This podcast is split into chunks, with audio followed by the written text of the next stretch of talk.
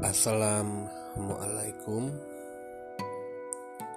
Senang sekali bisa berjumpa lagi di podcast 1001 kisah bersama saya Arif yang tentunya yang tentunya akan membacakan kembali kisah-kisah Nabi di episode kali ini. Episode kali ini adalah episode ke-8 ya. Insya Allah dibantu share untuk podcastnya agar banyak yang tahu juga dan bisa rame ya pendengarnya. Insya Allah mudah-mudahan semoga bisa banyak yang dengar dan bermanfaat tentunya. Untuk episode kali ini kita akan menceritakan kisah dari Nabi Ismail alaihi salam. Bismillahirrahmanirrahim. Selamat mendengarkan.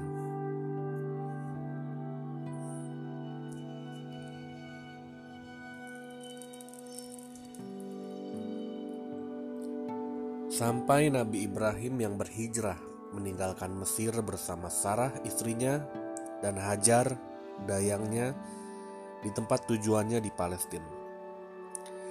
Ia telah membawa pindah juga semua binatang ternaknya dan harta miliknya yang telah diperolehnya sebagai hasil usaha niaga di Mesir. Al-Bukhari meriwayatkan daripada Ibnu Abbas radhiyallahu anhu berkata,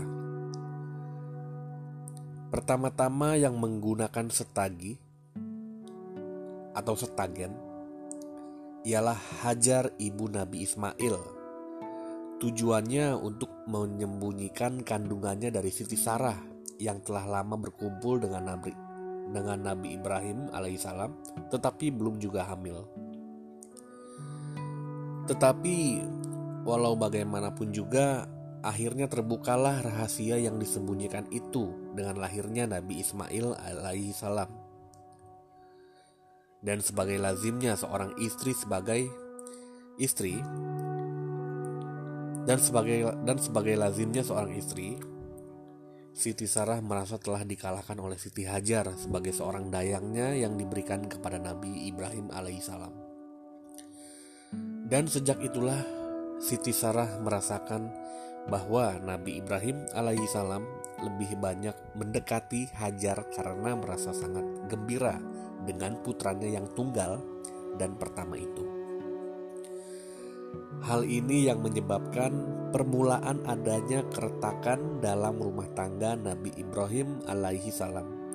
Sehingga Siti sudah merasa tidak tahan hati jika melihat Siti Hajar dan minta pada Nabi Ibrahim alaihi salam supaya menjauhkannya dari matanya dan menempatkannya di lain tempat. Untuk suatu hikmah yang belum diketahui dan disadari oleh Nabi Ibrahim, Allah Subhanahu wa taala mewahyukan kepadanya agar keinginan dan permintaan Sarah istrinya dipenuhi dan dijauhkanlah Ismail bersama Hajar ibunya dan Sarah ke suatu tempat di mana yang ia akan tuju dan di mana Ismail putranya bersama ibunya akan ditempatkan dan kepada siapa akan ditinggalkan. Maka dengan tawakal kepada Allah, berangkatlah Nabi Ibrahim meninggalkan rumah membawa Hajar dan Ismail yang diboncengkan di atas untanya tanpa tempat tujuan yang tertentu. Ia hanya berserah diri kepada Allah yang akan memberi arah kepada binatang tunggangannya. Dan berjalanlah unta Nabi Ibrahim dengan tiga hamba Allah yang berada di atas punggungnya keluar kota masuk ke lautan pasir maaf maksudnya masuk ke lautan pasir ini adalah padang terbuka di mana terik matahari dengan pedihnya menyengat tubuh dan angin yang kencang menghambur-hamburkan debu-debu pasir. Ismail dan ibunya Hajar ditinggalkan di Mekah.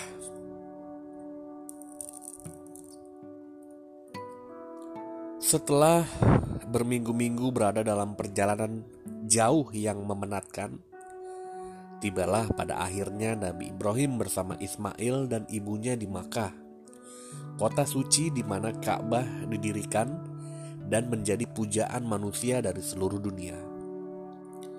Di tempat mana Masjidil Haram sekarang berada, berhentilah unta Nabi Ibrahim mengakhiri perjalanannya dan di situlah ia meninggalkan Hajar bersama putranya dengan hanya dibekali dengan serantang bekal makanan dan minuman, sedangkan keadaan sekitarnya tiada tumbuh-tumbuhan, tiada air mengalir, yang terlihat hanyalah batu dan pasir kering.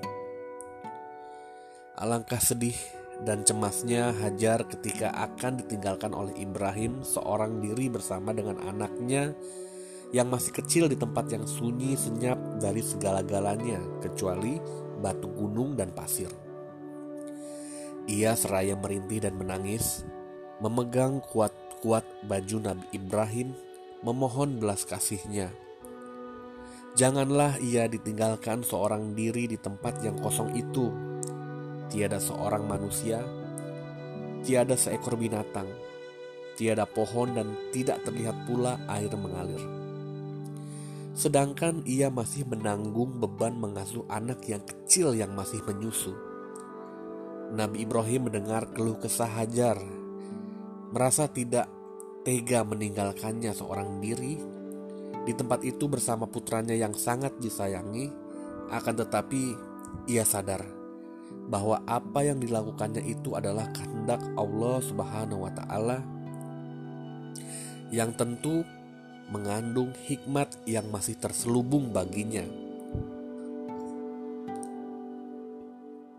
Dan ia sadar pula bahwa Allah akan melindungi Ismail dan ibunya dalam tempat pengasingan itu dan segala kesukaran dan penderitaan. Ia berkata kepada Hajar, maksudnya Nabi Ibrahim berkata kepada istrinya Siti Hajar, Bertakwalah kepada Allah yang telah menentukan kehendaknya Percayalah kepada kekuasaannya dan rahmatnya. Dialah yang memerintah aku membawa kamu ke sini, dan dialah yang akan melindungimu dan menyertaimu di tempat yang sunyi ini. Sesungguhnya, kalau bukan perintah dan wahyunya, tidak sesekali aku tega meninggalkanmu di sini. Seorang diri bersama putraku yang sangat kucintai ini. Percayalah, wahai Hajar, bahwa Allah yang Maha Kuasa tidak akan melantarkan kamu berdua tanpa perlindungannya. Rahmat dan barokahnya akan tetap turun di atas kamu untuk selamanya. Insya Allah. Mendengar kata-kata Ibrahim itu, segeralah Hajar melepaskan genggamannya pada baju Ibrahim dan dilepaskannya lah beliau menunggang untanya kembali ke Palestina dengan linangan air mata yang bercurahan membasahi tubuh Ismail yang sedang menyusu. Sedang Nabi Ibrahim pun tidak dapat menahan air matanya ketika ia turun dari dataran tinggi meninggalkan Makkah menuju kembali ke Palestina, di mana istrinya Sarah dengan putranya yang kedua, Ishak, sedang menanti.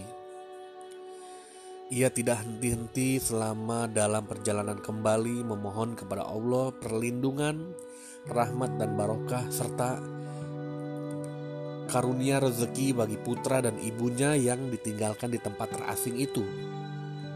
Ia berkata dalam doanya, "Wahai Tuhanku, aku telah tempatkan putraku dan anak-anak keturunannya di dekat rumahmu, yaitu Bait Baitullahil Haram." di lembah yang sunyi dari tanaman dan manusia agar mereka mendirikan sholat dan beribadah kepadamu. Jadikanlah hati sebagian manusia cenderung kepada mereka dan berilah mereka rezeki dari buah-buahan yang lezat. Mudah-mudahan mereka bersyukur kepadamu. Sepening, sepeninggal Nabi Ibrahim, tinggallah Hajar dan putranya di tempat yang terpencil dan sunyi itu ia harus menerima nasib yang telah ditakdirkan oleh Allah atas dirinya dengan kesabaran dan keyakinan penuh akan perlindungannya. Bekal makanan dan minuman yang dibawanya dalam perjalanan pada akhirnya habis dimakan selama be beberapa hari sepeninggalan Nabi Ibrahim. Maka mulailah terasa oleh Hajar beratnya beban hidup yang harus ditanggungnya sendiri tanpa bantuan suaminya. Ia masih harus menyusui anaknya, namun air susunya makin lama makin mengering disebabkan kekurangan makan Anak yang tidak dapat minuman yang memuaskan dari susu ibunya mulai menjadi cerewet dan tidak henti-hentinya menangis. Ibunya menjadi panik, bingung dan cemas mendengar tangisan anaknya yang sangat menyayat hati itu. Ia menoleh ke kanan dan ke kiri, serta lari ke sana dan ke sini mencari sesuap makanan atau seteguk air yang dapat meringankan kelaparannya dan meredakan tangisan anaknya. Namun, sia-sialah usahanya. Ia pergi berlari harwalah menuju Bukit Safa kalau-kalau ia boleh mendapatkan sesuatu yang dapat menolongnya. Tetapi hanya batu dan pasir yang didapatnya di situ. Kemudian dari Bukit Safa ia melihat bayangan air yang mengalir di atas Bukit Marwah dan larilah ia ke tempat itu namun ternyata bahwa yang disangkanya air adalah fata morgana atau bayangan belaka dan kembalilah ke Bukit Safa karena mendengar seakan-akan ada suara yang memanggilnya tetapi gagal dan melesetlah dugaannya. Demikianlah maka karena dorongan hajat hidupnya dan hidup anaknya yang sangat disayangi, Hajar bolak-balik berlari sampai tujuh kali antara bukit Safa dan Marwah yang pada akhirnya ia duduk termenung merasa penat dan hampir berputus asa.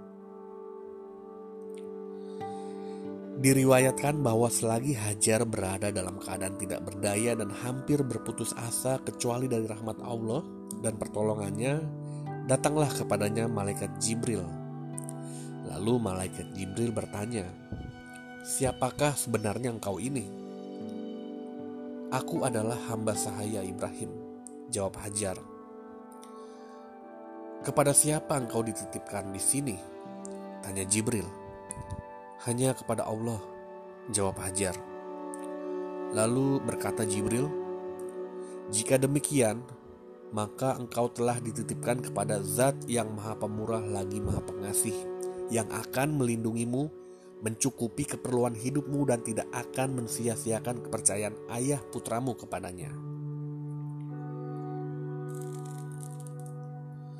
Kemudian diajaklah Hajar mengikutinya pergi ke suatu tempat di mana Jibril menginjakan telapak kakinya kuat-kuat di atas tanah dan segeralah memancur dari bekas telapak kaki itu air yang jernih dengan kuasa Allah.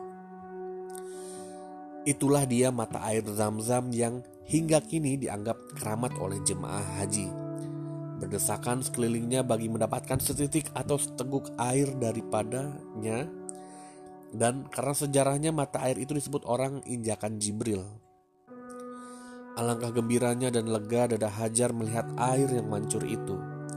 Segera ia membasahi bibir putranya dengan air keramat itu dan segera pula terlihat wajah putranya segar kembali.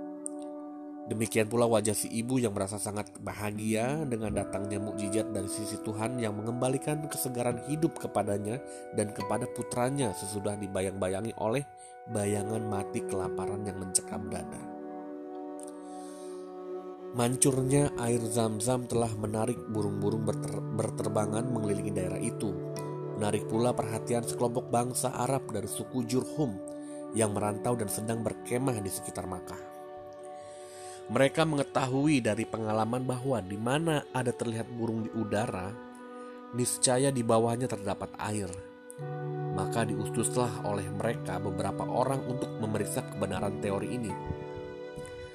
Para pemeriksa itu pergi mengunjungi daerah di mana Hajar berada. Kemudian kembali membawa berita gembira kepada kaumnya tentang mata air zam-zam dan keadaan Hazar bersama putranya.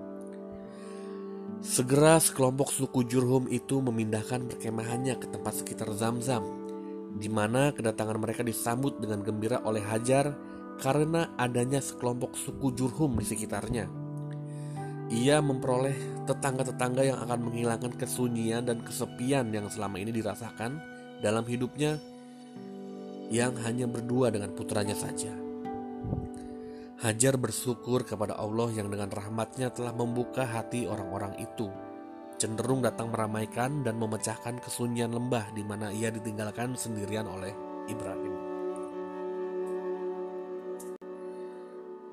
Nabi Ibrahim dari masa ke masa pergi ke Mekah untuk mengunjungi dan menjenguk Ismail di tempat pengasingannya bagi menghilangkan rasa rindu hatinya kepada putranya yang ia sayangi, serta menenangkan hatinya yang selalu rungsing bila mengenang keadaan putranya bersama ibunya yang ditinggalkan di tempat yang tandus, jauh dari masyarakat kota dan pergaulan umum. Sewaktu Nabi Ismail mencapai usia remaja, Nabi Ibrahim alaihissalam mendapat mimpi bahwa ia harus menyembeli Ismail putranya. Dan mimpi seorang nabi adalah salah satu dari cara-cara turunnya wahyu Allah maka perintah yang diterimanya dalam mimpi itu harus dilaksanakan oleh Nabi Ibrahim. Ia duduk sejurus termenung memikirkan ujian yang maha berat yang ia hadapi.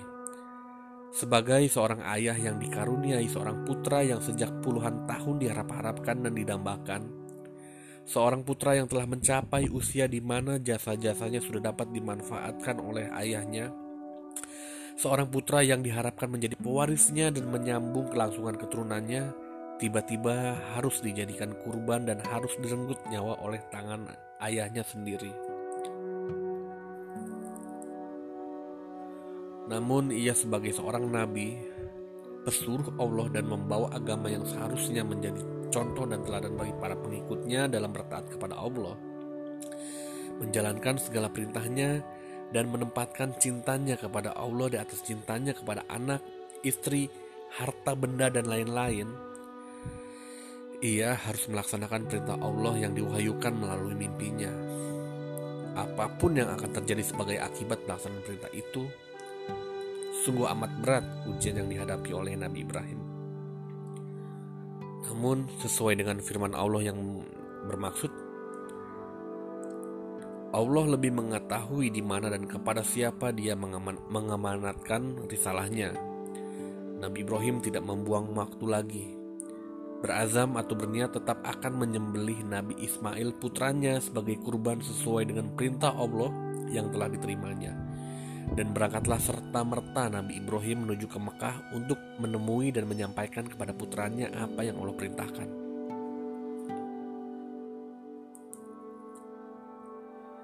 Nabi Ismail sebagai anak yang soleh, yang sangat taat kepada Allah dan bakti kepada orang tuanya, Ketika diberitahu oleh ayahnya maksud kedatangannya kali ini tanpa ragu-ragu dan berpikir panjang, berkata kepada ayahnya, "Wahai ayahku, laksanakanlah apa yang telah diperintahkan oleh Allah kepadamu. Engkau akan menemuiku, insya Allah sebagai seorang yang sabar dan patuh kepada perintah. Aku hanya meminta dalam melaksanakan perintah Allah itu agar ayah mengikatku kuat-kuat supaya aku tidak banyak bergerak sehingga menyusahkan ayah." Kedua, agar meninggal, menanggalkan pakaianku supaya tidak terkena darah yang akan menyebabkan berkurangnya pahalaku dan terharunya ibuku bila melihatnya. Ketiga, tajamkanlah parangmu dan percepatkanlah pelaksanaan penyembelihan agar meringankan penderitaan dan rasa pedihku. Keempat, dan yang terakhir sampaikanlah salamku kepada ibuku Berikanlah kepadanya pakaianku ini untuk menjadi penghiburnya dalam kesedihan dan tanda mata serta kenang-kenangan baginya dari putra tunggalnya. Kemudian dipeluknya lah Ismail dan dicium pipinya oleh Nabi Ibrahim seraya berkata, Bahagialah aku mempunyai seorang putra yang taat kepada Allah Bakti kepada orang tua yang dengan ikhlas hati menyerahkan dirinya untuk melaksanakan perintah Allah. Saat penyembelihan yang mengerikan telah tiba, diikatlah kedua tangan dan kaki Ismail. Dibaringkanlah ia di atas lantai. Lalu diambillah parang tajam yang sudah tersedia dan sambil memegang parang di tangannya, kedua mata Nabi Ibrahim yang tergenang air berpindah memandang dari wajah putranya ke parang yang mengkilap di tangannya. Seakan-akan pada saat itu hati beliau menjadi tempat pertarungan antara perasaan seorang ayah di satu pihak dan kewajiban seorang rasul di satu pihak yang lain. Pada akhirnya dengan memejamkan matanya, parang diletakkan pada leher Nabi Ismail dan penyembelihan dilakukan. Akan tetapi apa daya, parang yang sudah demikian tajamnya itu ternyata menjadi tumpul di leher Nabi Ismail dan tidak dapat berfungsi sebagaimana mestinya dan sebagaimana diharapkan. Kejadian tersebut merupakan suatu mukjizat dari Allah yang menegaskan bahwa perintah pengorbanan Ismail itu hanya suatu ujian bagi Nabi Ibrahim dan Nabi Ismail sampai sejauh mana cinta dan taat mereka kepada Allah. Ternyata keduanya telah lulus dalam ujian yang sangat berat itu. Nabi Ibrahim telah menunjukkan kesetiaan yang tulus dengan pengorbanan putranya untuk berbakti melaksanakan perintah Allah, sedangkan Nabi Ismail tidak sedikit pun ragu atau bimbang dalam memperagakan kebaktiannya kepada Allah dan kepada orang tuanya dengan menyerahkan jiwa raganya untuk dikorbankan. Sampai-sampai terjadi seketika merasa bahwa parang itu tidak bisa memotong lehernya. Berkatalah ia kepada ayahnya, "Wahai ayahku, rupa-rupanya engkau tidak sampai hati memotong leherku karena melihat wajahku. Cobalah tengkurapkan aku dan laksanakanlah tugasmu tanpa melihat wajahku. Akan tetapi parang itu tetap tidak berdaya mengeluarkan setitik darah pun dari daging Ismail, walau ia telah tengkurapkan dan dicoba memotong lehernya dari belakang. Dalam keadaan bingung dan sedih hati karena gagal dalam usahanya menyembelih putranya, datanglah kepada Nabi Ibrahim wahyu Allah dengan firman-Nya. Wahai Ibrahim, engkau telah berhasil melaksanakan mimpimu. Demikianlah kami akan membalas orang-orang yang berbuat kebajikan. Kemudian, sebagai tebusan ganti nyawa Ismail telah diselamatkan itu, Allah memerintahkan Nabi Ibrahim menyembelih seekor kambing yang telah tersedia di sampingnya. Dan segera dipotong leher kambing itu oleh beliau dengan parang yang tumpul di leher putranya Ismail itu. Dan Inilah asal permulaan sunnah berkurban yang dilakukan oleh umat Islam pada setiap hari raya Idul Adha di seluruh pelosok dunia. Demikian uh, kisah dari Nabi Ismail. Nabi Ismail ini ternyata adalah anak dari Nabi Ibrahim. Ya, jadi Nabi Ibrahim punya dua istri.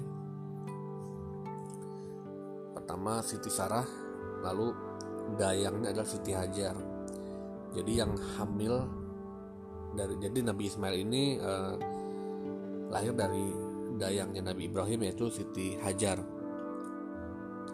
nah jadi Siti tapi karena saat uh, karena permintaan Allah jadi istrinya istri Nabi Ibrahim Siti Sarah dia mungkin kecewa karena Siti Hajar hamil hamil terlebih dahulu. Sedangkan yang sudah lama dengan Nabi Ibrahim Siti Sarah tidak belum atau belum hamil ya. Jadi karena kecewa Siti Sarah meminta Siti Hajar ini jangan berada di sekitarnya. Jadi dia jadi istrinya gampangnya gini istrinya nggak mau lihat Siti Hajar. Siti, Siti, Siti Sarah ini nggak mau lihat Siti Hajar. Ya. Nah sama Allah pun di ia akan diperintahkan untuk uh, menjauhkan Siti Hajar dari pandangan Siti Sarah yaitu ke gurun yang tadi. Dan di sini jujur baru tahu ternyata uh, parang parang yang digunakan mungkin atau golok yang digunakan untuk menyembelih Nabi Ismail ini tumpul ya. Jadi jadi nggak mempan gitu untuk menyembelih. Dulu saya tahunya saat yang setahu saya dulu ya yang pernah diceritain sama teman-teman gitu. Jadi saat Nabi Ibrahim menyembelih anaknya Nabi Ismail itu katanya Nabi Ismail langsung digantikan oleh seekor kambing atau domba. Tapi di sumber yang saya bacakan ini ternyata Nabi Ibrahim tetap menyembelih anaknya cuman tumpul udah tengkurap telentang tetap tumpul. Dan ternyata datanglah firman Allah bahwa menyembelih putranya Nabi Ismail itu hanya ujian. Jadi Allah tidak tidak tidak akan benar-benar mem, mem, mematikan Nabi Ismail. Yang ada Allah menumpulkan parangnya itu. Lalu tidak lama kemudian uh, ada kambing di sebelahnya gitu. Jadi Nabi Ibrahim lalu motong kambing. Jadi bukan Nabi Ismail dirubah menjadi kambing tapi memang setelah gagal menyembelih karena Allah tumpulkan karena Allah tidak mengizinkan Nabi Ismail meninggal disembelih Nabi Ibrahim nah dimunculkanlah kambing lalu dipotong kambing dan itu menjadi sunnah saat Idul Adha yaitu kurban kambing ya jadi kurban juga bisa sih selain kambing juga bisa pakai sapi ya. Kalau di Indonesia sapi atau kambing. Nah, kalau di mungkin kalau di Arab di Timur Tengah karena ada unta mungkin bisa unta juga. Tapi pertanyaan ada nggak sih kurban yang pakai kerbau gitu? Nah itu saya nggak tahu tuh ada nggak ada atau ada atau enggak atau boleh atau enggak gitu pakai kerbau kayak gitu. Lumayan panjang kisahnya, tapi tetap ringkas secara garis besar. Oh ya lupa hampir kelupaan sama air zam-zam nah air zam-zam ini adalah muncul ketika Siti Hajar kelaparan kehausan terus Nabi Ismail saat itu masih kecil juga haus ya kan? Tiba-tiba malaikat Jibril datang nyamperin uh, nyamperin Siti Hajar ditanya bla bla bla bla. Lalu diajak tuh Nabi Hajar ayo ikut saya kata malaikat Jibril. Lalu malaikat Jibril menginjakan kakinya atau mengentakkan kakinya ke tanah. Lalu dari situ mancurlah air yaitu air zam-zam yang sampai sekarang air air tetap ada tidak pernah kering selalu di selalu diambil terus oleh jemaah haji setiap tahunnya dan ada juga ada tadi disebutin di kisah ini ada Safa ada Marwah berarti memang kisah Nabi Ibrahim dan Ismail ini adalah tentang haji ya kalau saya tangkap. Oke, teman-teman 1001 kisah. Seperti biasa silakan follow IG-nya 1001 kisah. Uh, tulisannya adalah 1001 titik kisah. 1001 nya pakai angka 1001 titik kisah. Nah di situ teman bisa follow IG-nya, bisa komunikasi sama saya langsung, bisa kasih saran dan kritik. Jadi misalkan saya ada salah-salah kisah menceritakan kisah suat, uh, seorang nabi, bisa langsung dikoreksi saja bagian mana yang salahnya karena saya juga saya tegaskan lagi saya bukan ustadz, bukan ulama, bukan kiai. Saya membacakan kisah melalui artikel-artikel yang saya rangkum di internet seperti itu.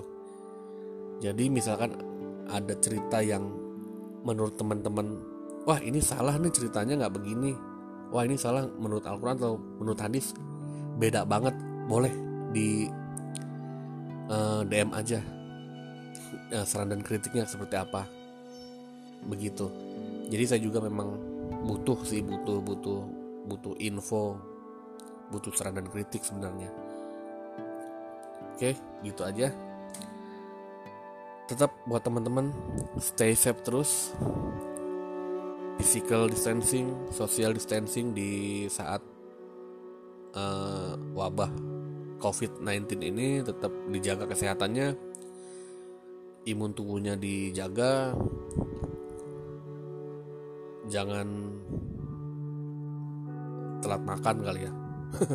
telat makan Gak maksudnya jaga tidur pola tidurnya juga jangan kebanyakan begadang tidurnya cukup berjemur secukupnya istirahat perbanyak minum vitamin C semoga wabah COVID-19 ini segera berakhir. Amin. Itu harapan kita semua agar semua perekonomian agar aktivitas warga di Indonesia ini berjalan seperti biasa. Masyarakat juga udah nggak panik lagi tidak was-was lagi ketemu. Apalagi sebentar lagi kita akan memasuki bulan puasa bulan Ramadan. Kan sayang banget gitu kalau bulan Ramadan ini nggak meriah gitu. Maksudnya meriah di sini kan malamnya kita bisa tarawih itu kan seneng banget gitu tarawih ya kan?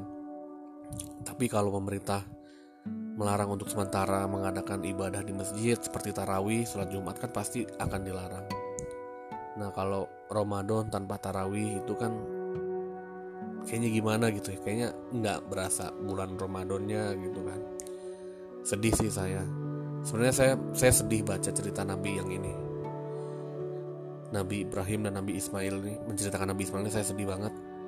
Saya terharu membacanya pengorbanan seorang anak pengorbanan orang tua yang sedih banget gitu.